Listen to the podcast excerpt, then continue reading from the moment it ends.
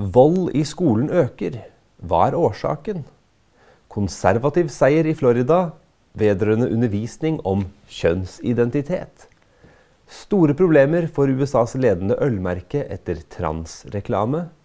Og Stortinget vraker KrFs grunnlovsforslag om vern av liv.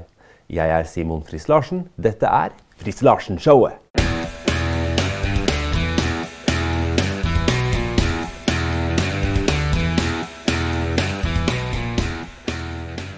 Vold i skolen øker.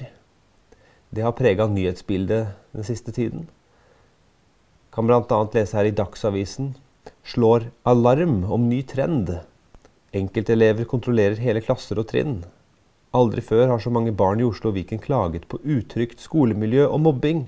En eksplosiv økning, sier seksjonssjef, som mener å se en helt ny trend. Og man kan også se her at eh, vi ser at flere og flere barn vegrer seg for å gå på skolen. Det er mange saker med skolefravær i. Selv om grunnene kan være sammensatt, er det mange saker der fraværet skyldes et utrygt skolemiljø. Dette er alvorlig. Vi ser elever som rett og slett ikke tør eller klarer å være til stede i klassen sin på flere uker eller måneder. Bekrefter altså denne seksjonssjefen da i ø, Oslo og Viken. Men det er jo ikke bare elever som kan føle det utrygt å gå på skolen pga. denne her økningen, denne trenden, som vi vel kan karakterisere som et samfunnsproblem.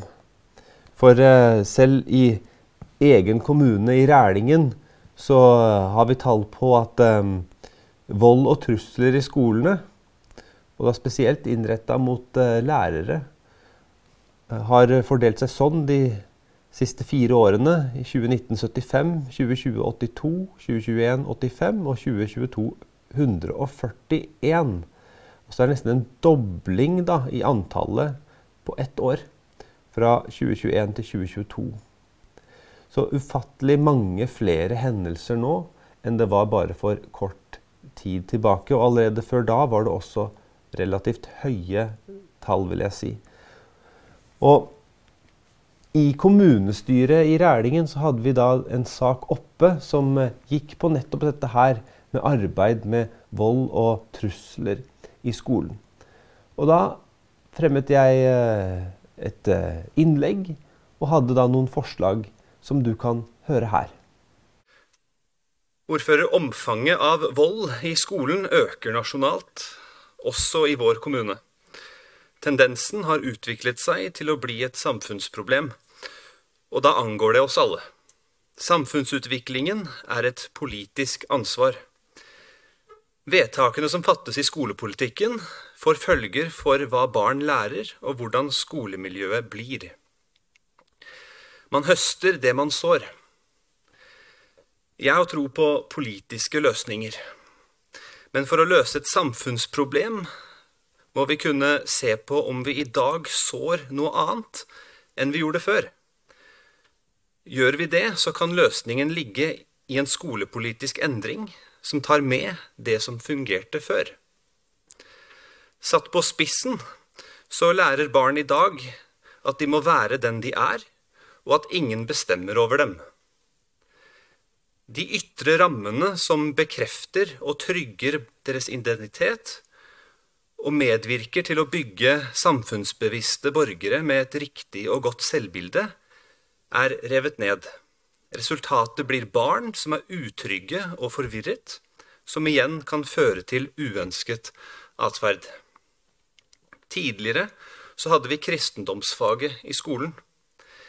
Det var ikke bare et forkynnende fag om grunnleggende kristenliv og lære, men også et dannelsesfag Barna lærte at mobbing, vold og trusler er galt, fordi Guds ord lærer oss at vi skal gjøre mot andre slik vi vil at andre skal gjøre mot oss. Og de lærte at Guds ord sier at vi skal være lydige mot våre foreldre og lærere og rette oss etter dem. Nå er ikke kristendomsfag noe vi kan vedta i et kommunestyre. Men som en forebyggende ressurs mot mobbing, vold og trusler så kan vi politisk vedta å slippe kristne virksomheter til.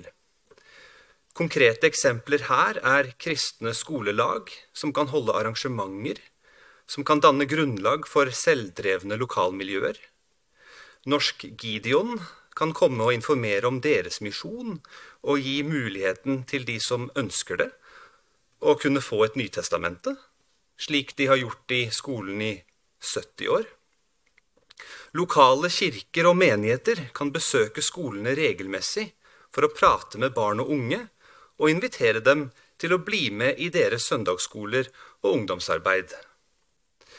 Og du trenger ikke engang å være enig i argumentasjonen min for å stemme for forslagene mine, for det bør være bred enighet om at vi ikke har noen ting å tape på å ha flere ressurser tilgjengelig i arbeidet med forebygging av mobbing, vold og trusler i skolen.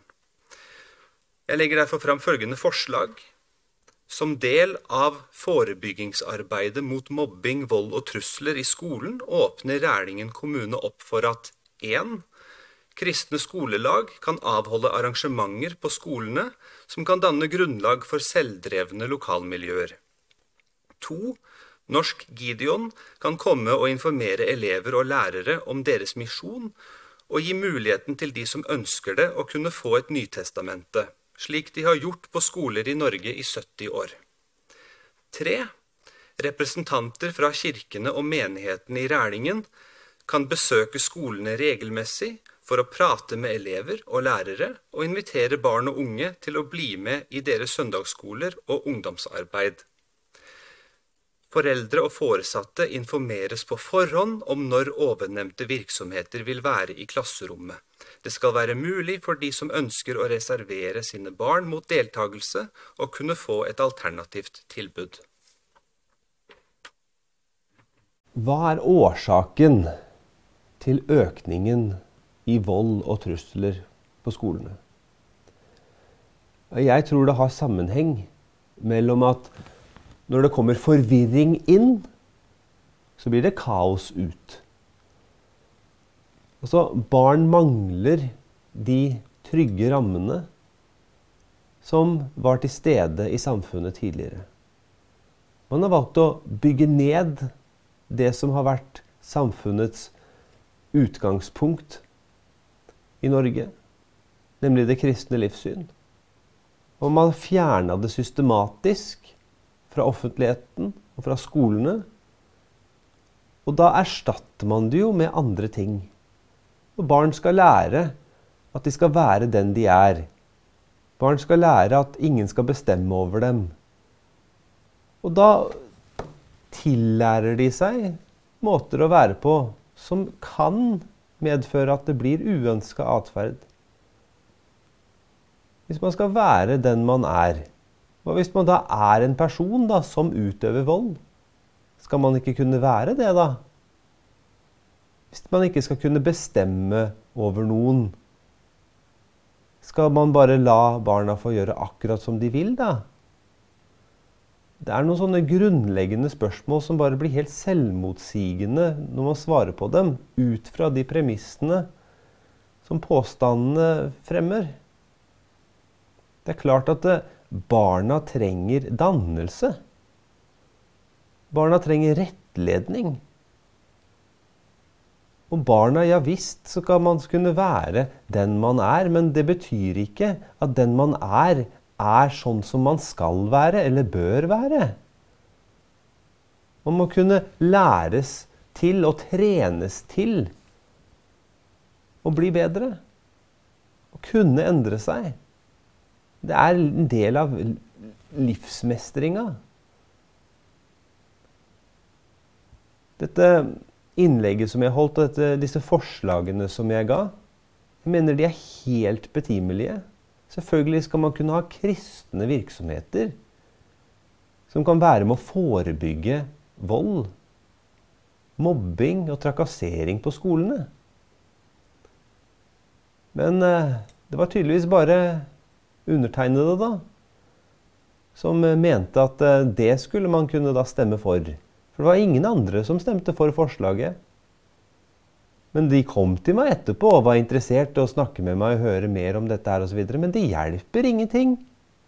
Det som hjelper, er å stemme når saken er til votering. Å prate etterpå hjelper ingenting. Og så er det sånn i politikken at noen ganger så må ting fremmes flere ganger før ting kan bli vedtatt og forandra på. Så dette her er bare en begynnelse. Men hvis du som forelder vil ha en forandring, ja, da må du sørge for å stemme på de politikerne som faktisk gjør mer enn å bare prate, men som har konkrete løsninger å presentere. Gode virkemidler som man kan sette inn, som kan virke. Og Da vil jeg anbefale å stemme konservativt. Man kan ikke holde på å stemme på det samme gamle som jo da tydeligvis ikke fungerer. Og man må se til de som da har et politisk grunnsyn som er fundamentert på det kristne livssynet, som har fungert. Fordi utgangspunktet og forutsetningen for virkeligheten, kunnskap og moral er det kristne livssyn. Og da former man naturligvis politikk for alle også ut fra det. Så er det det du vil ha, så stemmer du konservativt. Konservativ seier i Florida vedrørende undervisning om såkalt kjønnsidentitet. Det er eh, guvernør Ron DeSantis som eh, har signert i lov at eh, barn skal ikke lære om såkalt kjønnsidentitet og seksualundervisning mellom første til tredje klasse. Men dette er også nå utvidet, deler av dette, til å gjelde hele veien ut videregående skole. Og det er en seier. Konservativ seier. For det står her i Dagbladet i mars i fjor undertegnet guvernør i delstaten Florida, republikanske Ron DeSantis, en lov mot undervisning om kjønnsidentitet og seksuell legning for barn. Det var det. Loven blir av kritikere kalt 'Don't Say Gay'-loven. Riktignok av kritikerne kalt. Det er jo ikke av de som fremmer forslaget. Men kritikerne får jo kalle det hva de vil. Men det er ikke sant for dem de kaller det. Så det er jo ikke sånn at man ikke skal ha seksualundervisning. Der må jeg rette på meg selv litt. Men det her handla også om at man ikke skal ha undervisning om kjønnsidentitet og seksuell legning for barn. Forbudet gjaldt både i barnehagen og i småskolen. Til og med tredje trinn. Ønsket om en slik lovendring kommer av flere foreldre som har uttrykt at det vil beskytte barna deres mot det de oppfatter som skadelig undervisning på skolen. Fantastiske foreldre som har forstått alvoret i situasjonen og tar forhåndsregler. Og de har valgt en guvernør som det er handlekraftig, som nedfeller i lov disse tingene som da beskytter disse foreldrenes barn. Og denne uken har deler av loven blitt utvidet til og med tolvte trinn. Som vil si ut videregående skole. Fantastisk! Konservativ seier! Yes! Akkurat sånn skal det gjøres. Du må ha politikere som har gjennomføringsevne, sånn som Ron DeSantis. Det er helt fantastisk. Det er virkelig en konservativ seier. Ja, og Lovendringer er noe da som en norsk eh, kjendis da reagerer kraftig på. Og uh, sier da uh, at uh, det er helt vanvittig. Ja vel. Hva er det som er helt vanvittig, da? Jo, det er vanvittig å lese. Skremmende og helt uforståelig at det går an i 2023. Ja, det går faktisk an i 2023 å si at en gutt er en gutt og en jente er en jente, sånn som en gutt har alltid vært en gutt og en jente alltid har vært en jente. Ikke sant? Ja, det går faktisk an i 2023. Når vi har så store vitenskapelige bevis for at ja, sånn er det faktisk. Ja, At enkelte mennesker vil holde andre tilbake og nede, er med på å hindre en livsviktig og naturlig utvikling og del av livet vi er totalt avhengig av. Det handler ikke om å holde tilbake eller folk nede eller hindre livsutvikling. Og naturlig utvikling, det er jo ikke noen naturlig utvikling. Og så bekrefte overfor et barn som lider av kjønnsinkongruens, at det barnet Ja, du er et annet kjønn enn det du er. Det er jo ikke en naturlig utvikling, det. Det setter dem jo på en kurs mot en unaturlig utvikling. Videre spør da denne personen eh, følgerne sine om hvorfor det skal være så viktig for USA å bruke enormt med ressurser på å hindre andre mennesker i å bare være seg selv. Dette her handler ikke om at mennesker bare skal være seg selv. Det handler om at de skal få være akkurat den de er. Som er den de er. Ikke at man skal innbille dem at de er noen andre enn den de er, eller at de selv skal oppleve at de er noe annet enn den de er, og så skal de være det. Så ja, man skal ikke hindre andre mennesker i å bare være seg selv, kan man jo si. Men da er det jo seg selv de er. Ikke en eller annen illusjon om at de er noe annet enn det. Ethvert ønske for, å, for, et oppegående menneske bør jo være å ville ønske det beste for sin neste. Ja, selvfølgelig. Man vil jo ønske det beste for mest, sin neste. Derfor så vil man jo ikke ønske for et barn at det barnet skal settes på en, en kurs da, til å fjerne friske bryster og kjønnsorganer og bli sterilisert og gjøre slike inngrep som er totalt irreversible og som stadig flere angrer på etterpå. Å nei, da er det for seint, selvfølgelig. Man, man, skal jo selvfølgelig ønske sin beste for sin neste og, og forhindre at barn opplæres i at dette er noe som er normalt. Å ønske å se hverandre få utfolde sitt fulle potensial i livet, ja visst. Det er jo akkurat det Ron DeSantis står for. Nettopp at barna skal få utfolde seg og oppnå sitt fulle potensial. Det er konservativ politikk, det. At vi heier på hverandre, løfter hverandre opp og fram og bruker ressursene i hverandre, vil jo bare gagne oss alle. Jeg er jo totalt enig i det. Selvfølgelig. Så at det er noen som vil nekte andre selvstendige frie mennesker. Dette fatter jeg ikke. Ja, men barn er ikke selvstendige, frie mennesker. Barn er barn som trenger rettledning. Barn trenger beskyttelse. Barn trenger oppfostring. Det er, det sånn det er. Kalle, det er jo ikke å nekte andre selvstendige, frie mennesker noen ting. For det er også danne barn. Rettlede barn. Hjelpe barn. Til å være den de er. Den gutten eller den jenten de er. Ikke å sette de på en, en, et totalt villspor. Så det er der hele forskjellen ligger. Forholder man seg til virkeligheten og bekrefter barnet for den de er, eller så forholder man seg jo til det som i hvert fall kan betegnes som ufattelig. Nemlig også skal bekrefte en forestilling som barnet har om hvem de er. Men Ron DeSantis altså, med sitt lovverk, og foreldrene som her har forstått det, har ført til en konservativ seier. Det er svært viktig. Det viser at det nytter. Det går an. Man trenger ikke å la seg overkjøre av all slags eh, mentalitet om at 'å, vi må sånn og sånn'. Nei. Vi kan forholde oss til fakta og virkelighet. Og bygge samfunnet ut fra slike sanne verdier. Store problemer for USAs ledende ølmerke etter transreklame. Ja, så store problemer har de at dette har til og med nådd norske medier. Og da skal det være ganske så eh, oppsiktsvekkende før eh, noe sånt blir en sak her.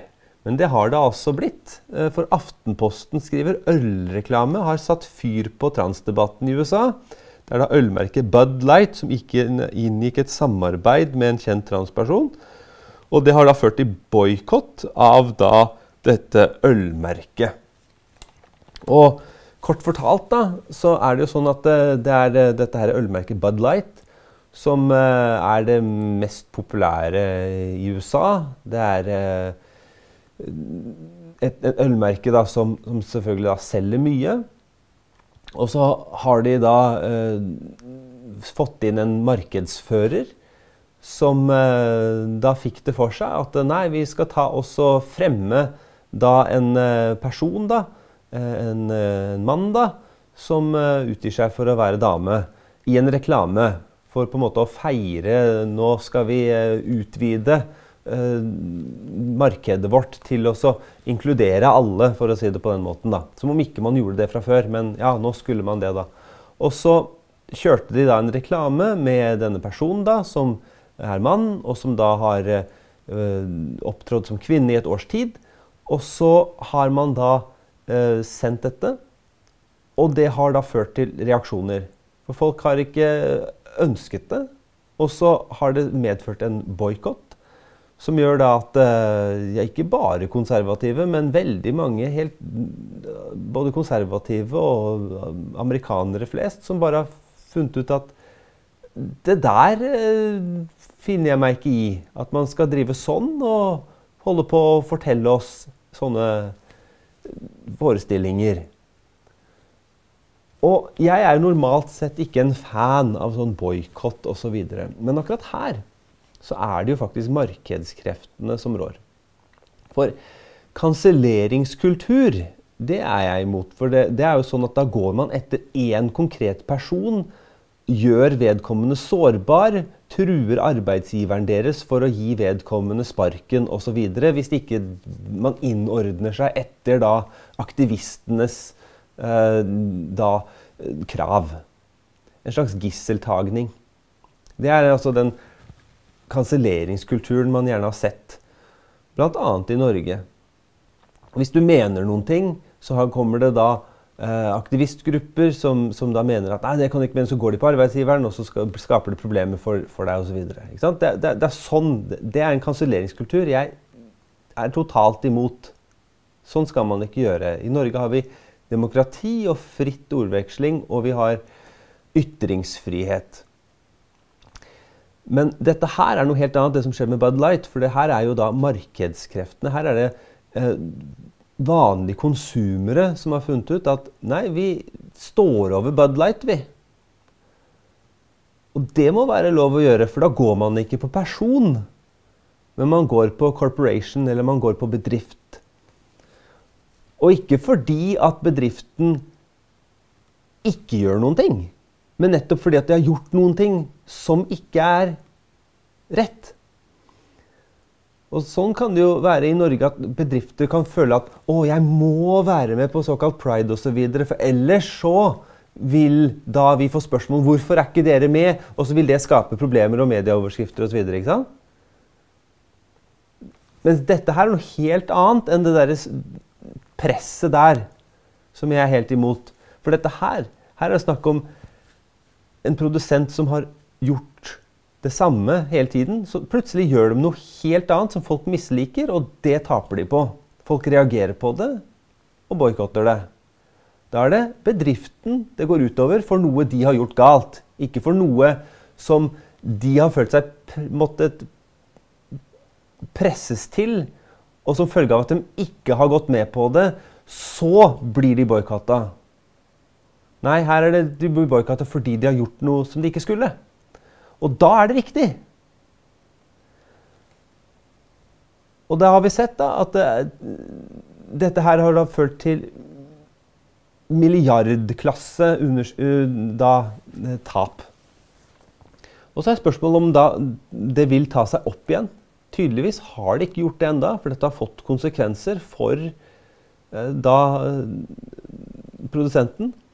Og til og med Donald Trump jr. gikk jo ut på podkasten sin og snakka om at nei, vi må ikke boikotte Bud Light fordi at uh, de har jo da bare en markedsfører som har gjort en feil, og, og selve eierselskapet de støtter republikanere med pengegaver osv. Men det er akkurat det. Hvorfor skal man fortsette å kjøpe Bud Light da? Når de gir penger til republikanere, som da tydeligvis skal bare gå god for reklamen som ble sendt? Nei, nettopp. Skal ikke det. Så det funka ikke, det heller. Og det er altså disse her donorene på masse, masse penger. De blir også frustrerte over at da boikotten fungerer. Så her er det både de kan du si, liberale som taper på dette her. Bud Light taper på dette her. Og establishment-republikanerne taper på dette her. Og de som vinner på dette her, de er jo den vanlige konsumer, den vanlige forbruker, den vanlige amerikaner. Og derfor så liker jeg at eh, denne her boikotten fungerer. Jeg er imot kanselleringskultur, som jeg har forklart. Jeg er imot å presse bedrifter til å gjøre ting de ikke vil. Men når de har gjort noe feil, må de, da må de be om unnskyldning for det før det kan begynne å ta seg opp igjen. Ellers så kan det bli nettopp denne type reaksjoner som dette her fra forbrukerne. KrF skal ved sedvane fremme sitt grunnlovsforslag om vern av liv. Og eh, Vårt Land skriver kald skulder fra hele Stortinget vraker KrFs grunnlovsforslag om vern av liv. KrF fremstår helt venneløs når Stortinget igjen skroter et grunnlovsforslag om vern av liv fra unnfangelse til naturlig død. Alle partiene fra Frp til Rødt fastslår at forslaget ikke er ønskelig.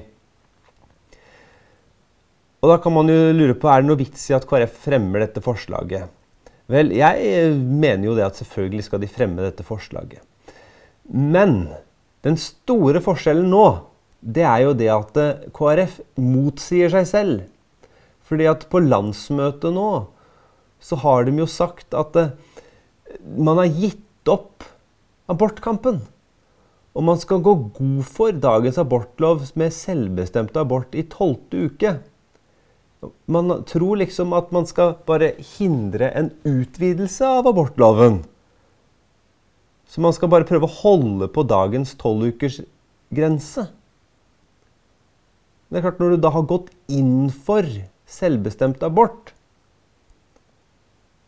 da går du jo imot ditt eget forslag om vern av liv.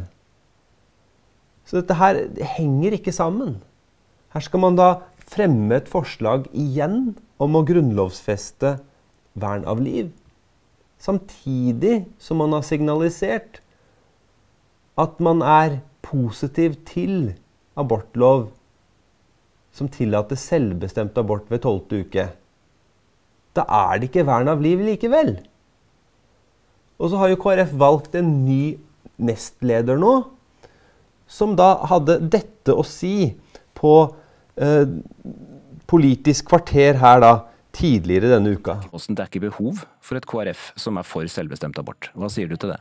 Du finner ingen partier i Norge som er tydeligere på å kjempe for det ufødte liv, og kjempe for å redusere aborter. Det er helt feil.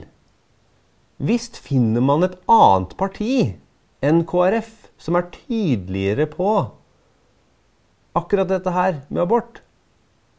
Og det er konservativt. For konservativt har en nullvisjon. Vi kan jo se litt her på konservativts program.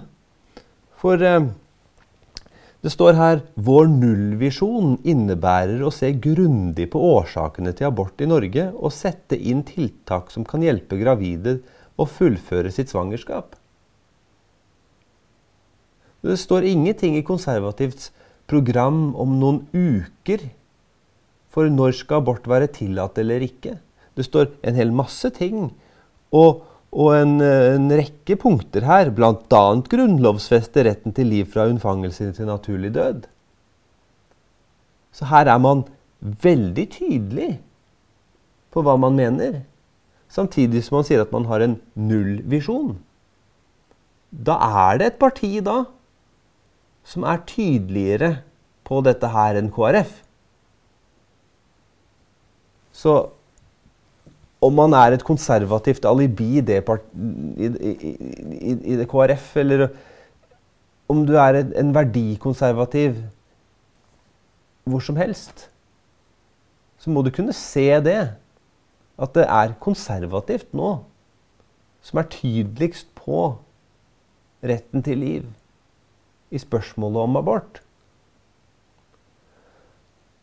Og da blir jeg jo partipolitisk. Da er det jo å stemme på konservativt som gjelder. Hvis man igjen skal få troverdighet i dette spørsmålet på Stortinget. For det er det som nå mangler helt da, fra KrF. Det er troverdighet. Når man sier at man har, har, har gått bort ifra abortkampen, at det er en tapt sak, da har man jo tapt før man har begynt. da. Dessuten så er ikke abortkampen tapt. Du kan se i Amerika. Der har man vunnet fram. Først har man klart å snu Roe versus Wade, sånn at det ikke lenger er det føderale myndighet som har noe å si på dette, her, men det er blitt sendt til statene til å selv bestemme lovene. Da får du varierende lover fra stat til stat, fra det mest ekstreme på den ene siden til det mest restriktive på den andre siden. Men så er det også mange stater som er republikansk styrte. Og der ser man at man får igjennom lovverk som gjør abort ulovlig. Og det er en seier. Det er kjempebra. Da verner man om retten til livet helt fra unnfangelsen. Så abortkampen er ikke tapt. Det gjelder bare å kjempe videre, men da må man også være troverdig. Til slutt så avslutter jeg med noe bibelsk, teologisk eller apologetisk. Og I dag så ser vi på apostlenes gjerninger kapittel 17.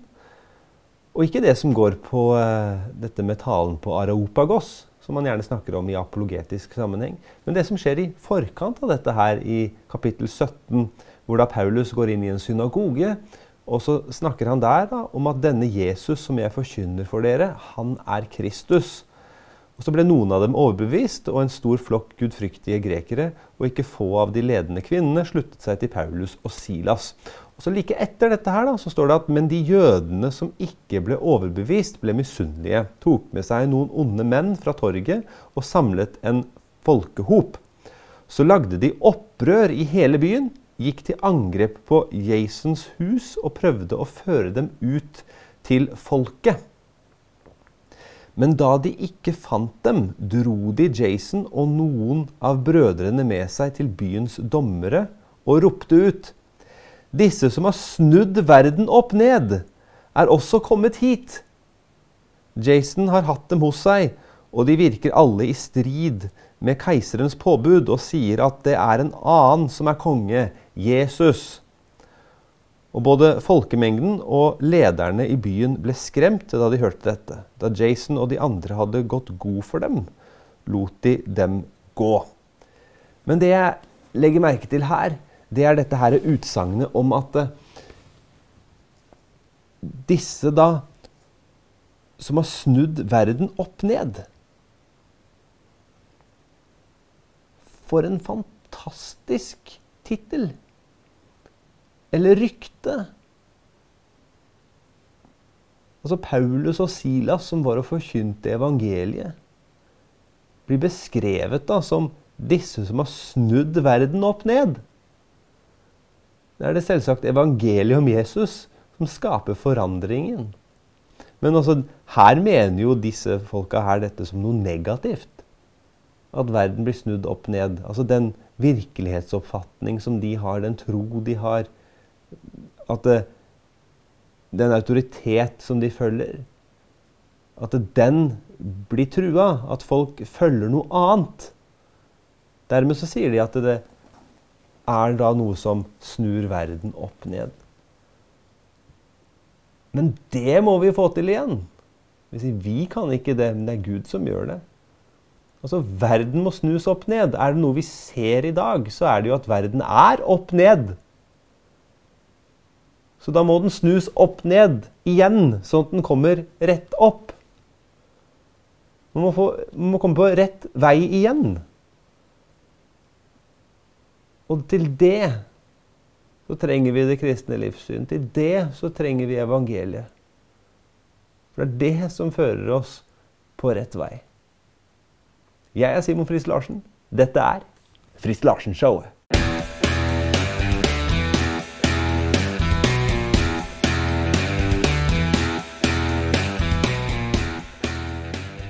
Takk at du ser på eller lytter til Friis Larsen-showet. I dagens politiske mediebilde så når ikke konservative budskap ut av seg selv. Generisk vekst er best, og det oppnås ved aktiv følging, liking og deling. Hvis du setter pris på Friis Larsen-showet, så benytt abonner-knappen på YouTube, følg-knappen på Spotify, og følg gjerne Simon Friis Larsen, kristen politiker, på Facebook.